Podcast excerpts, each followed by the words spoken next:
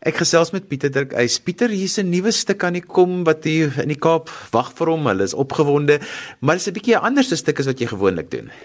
Jy weet ek sê dis Pieter Dirk is unpowdered.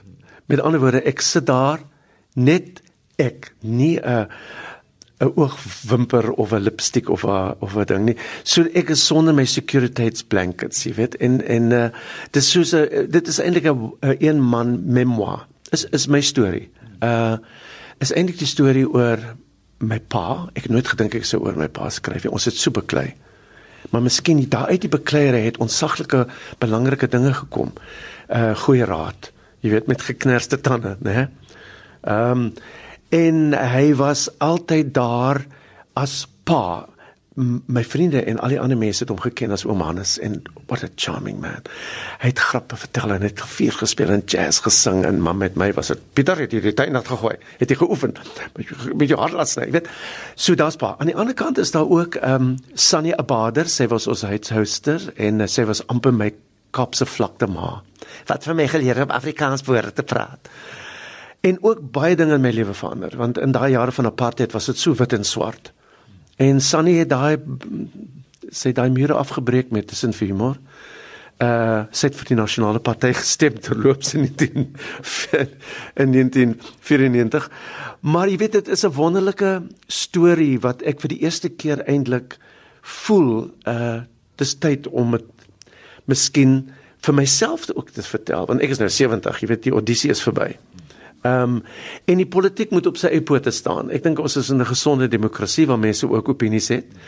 Ehm um, en dit gaan lekker wees om almal by my te hê soos in my in my uh, huis in my sitkamer en uh, net vir hulle te vertel van my pa, my ma, my suster van Mozart van Hendrik Verwoerd wat teen my muur was op as 'n prent wat hy was 'n gawe van God toe ek 'n kindertjie was en toe sny ek 'n foto uit die Station Cinema van Sofia Loren en ek sit dit langs Hendrik Verwoerd en daar val hy by die muur van die muur af want haar bene was beter as sy bene en sê het my lewe gered. Ehm um, en en natuurlik met die tyd met die sensoraat en met die realiteit van die space die ruimte teater en waar ons wette moes breek om eintlik te besef daar's dinge in ons land wat verkeerd is, maar altyd met humor, altyd met 'n glimlag. Ehm um, en uh the echo of a noise. Ek het eintlik Afrikaanse vertaling vir daai titel.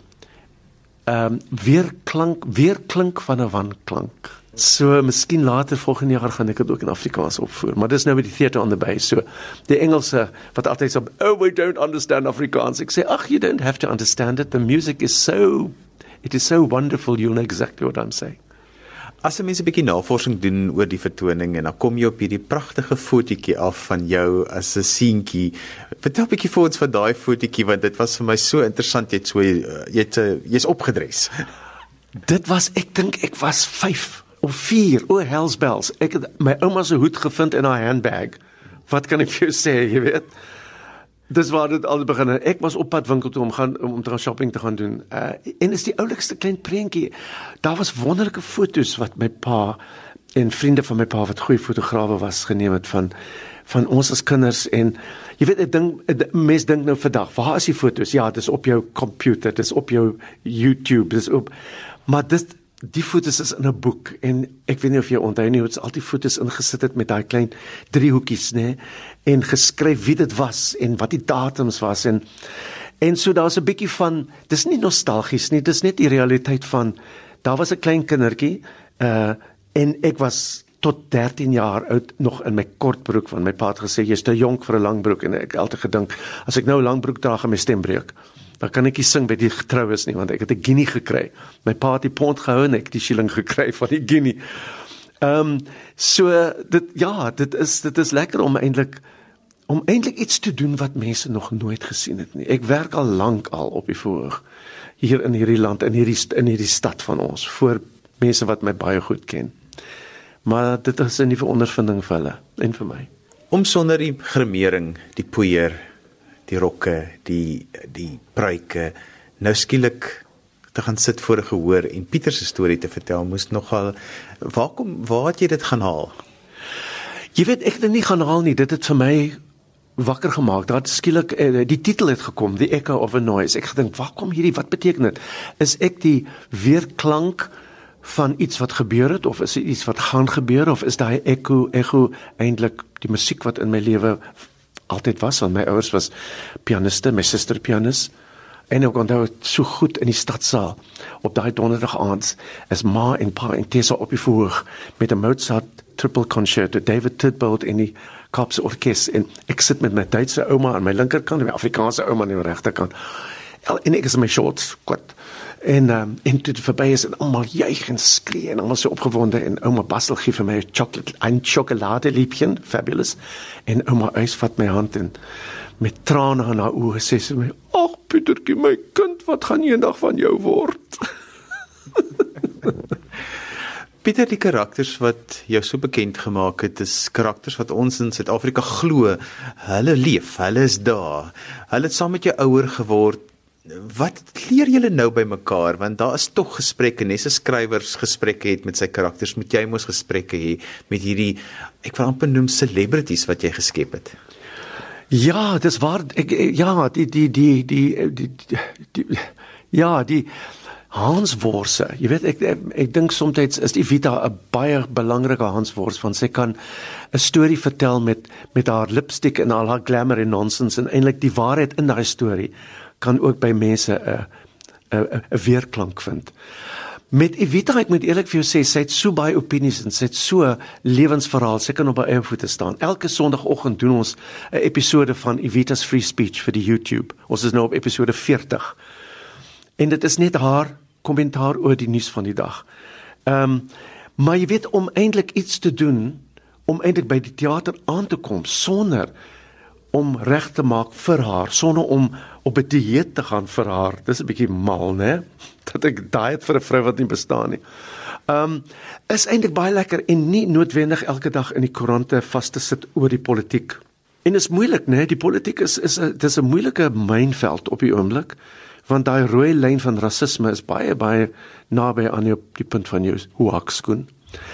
Uh so dis 'n ander mynveld waarin ek speel. Um En dit is ook vir my 'n helse inspirasie om jong mense te ontmoet want ek het 'n paar work in progress uh, shows gedoen van hierdie stuk by die perron op op 'n Saterdag. En daar is 'n 11-jarige kindertjie wat wag vir my en sê oom Oom, dit was 'n wonderlike storie en die prente was so goed. Ek sê wat se prente? Daar was nie prente nie. Hy sê nee in my kop. Dit is nice, né?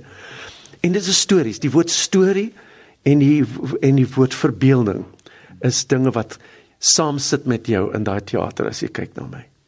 Toe jy die stuk geskep het, was daar ooit hierdie versoeking om van die ander kleurryke karakters in te bring want dit moet tog 'n uitdaging wees om Pieter se storie net te vertel sonder die poeier. Jy weet, jy is absoluut reg. Dit dit die die die die simbool in hierdie stuk die die die die hoe kan ek dit noem? Ek wou begin met my pa se lesenaar want dit gaan oor 'n ding wat hy altyd vir ons gesê het. Hy het vir ons gesê as iets verskrikliks met ons gebeur gryp die boonste laai en hardloop na die bure. Né? As die huis afbrand. En in daai boonste laai was al die papiere al die die assuransies en en, en alles al die belangrike goed En ek het gedink ja, ek gaan ek gaan daai lesenaar op die op die op die verhoog hê en ook die laai en dan gaan dinge daar uitkom. Maar jy weet, as 'n stukkie papier uit 'n ding kom, moet daai papier ook lewe hê. As ek skielik 'n hoed uithaal, as ek praat van PV Botha en 'n adapter daai en ek sit daai hoed op. Ek moet aangaan met daai storie. So ek het net gedink gaan die die ander kant toe, los al daai dinge, los al daai daai daai ehm um, daai hulpmiddels en uh, gebruik die verbeelding van die gehoor en uh, en jou eie manier om die storie te vertel met al die aksies en met al die met al die die rekwisiete en die en die props en die goeders en ja, so ek is daar op my eie op my huis. Pieter op 70. Hmm. Wat is vir jou nou kosbaar? Jy weet die die nommer 70 beteken niks nie. Dit beteken don't speed beyond 70, jy weet. Ehm um, maar dis uh, dit is 'n realiteit en uh, dis eintlik interessant om van my vriende te ontmoet wat 20 jaar ouer lyk as ek en hulle sê wat doen jy? Wat doen jy? Wat wat neem jy? Ek sê ek ek, ek het nie tyd om te doen of te neem nie. Ek moet net my voete hierso hê op vandag. Uh en miskien my jaar was eens 365 dae nou is daai jaar 2 dae is vandag en môre. En dit is vir my die belangrikste ding. Wat ek nou op hierdie oomblik saam met jou doen is die belangrikste ding wat ek in my lewe doen, want dit moet 100% wees. En dit moet reg wees vir die oomblik. Ehm um, en dit is belangrik vir my werk. My werk moet ook die waarheid praat. Ehm um, met 'n paar bells and whistles natuurlik, anders dan raak mense aan die slaap. Die waarheid is 'n bietjie vervelig. Maar dit moet ook opbouend wees en dit moet altyd daai balans hê van 49% woede teen wat sleg is en 51% vermaak saam met wat goed is. Jou verbintenis met Theta on the Bay kom 'n lang pad. So dit is eintlik die gepaste plek om hierdie stuk dan ook aan die publiek bekend te stel.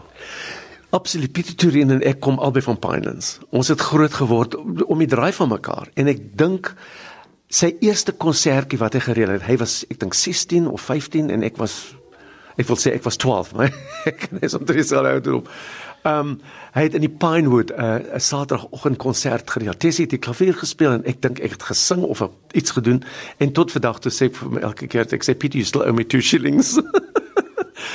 en jy weet dit was so wonderlik toe toe ek hom vertel van hierdie idee om hierdie ding te doen sonder die gewone uh die gewone ehm um, satiriese wat noem hulle dit the satirical uh, um chorus line. Toe sê hy vir my maar kom doen dit. En ek sê ja, maar jy ek weet nie eh, of het, ek weet nog it's uncharted territory. Hy sê well that's what theatre is about. It is always uncharted territory. Kom ons doen dit en ons vertel die storie. En uh, en dit is wonderlik om saam met hom te werk in daai fabulous teater. Ek is ja, ek baie lief daai teater en dis en jy ruik die see om so naby die see te wees, né? Ehm um, en uh, so dit is nou die begin van 'n van 'n nuwe uh, hoofstuk vir my hierdie hierdie storie vertellery. Ehm um, en ons sal sien waar dit gaan.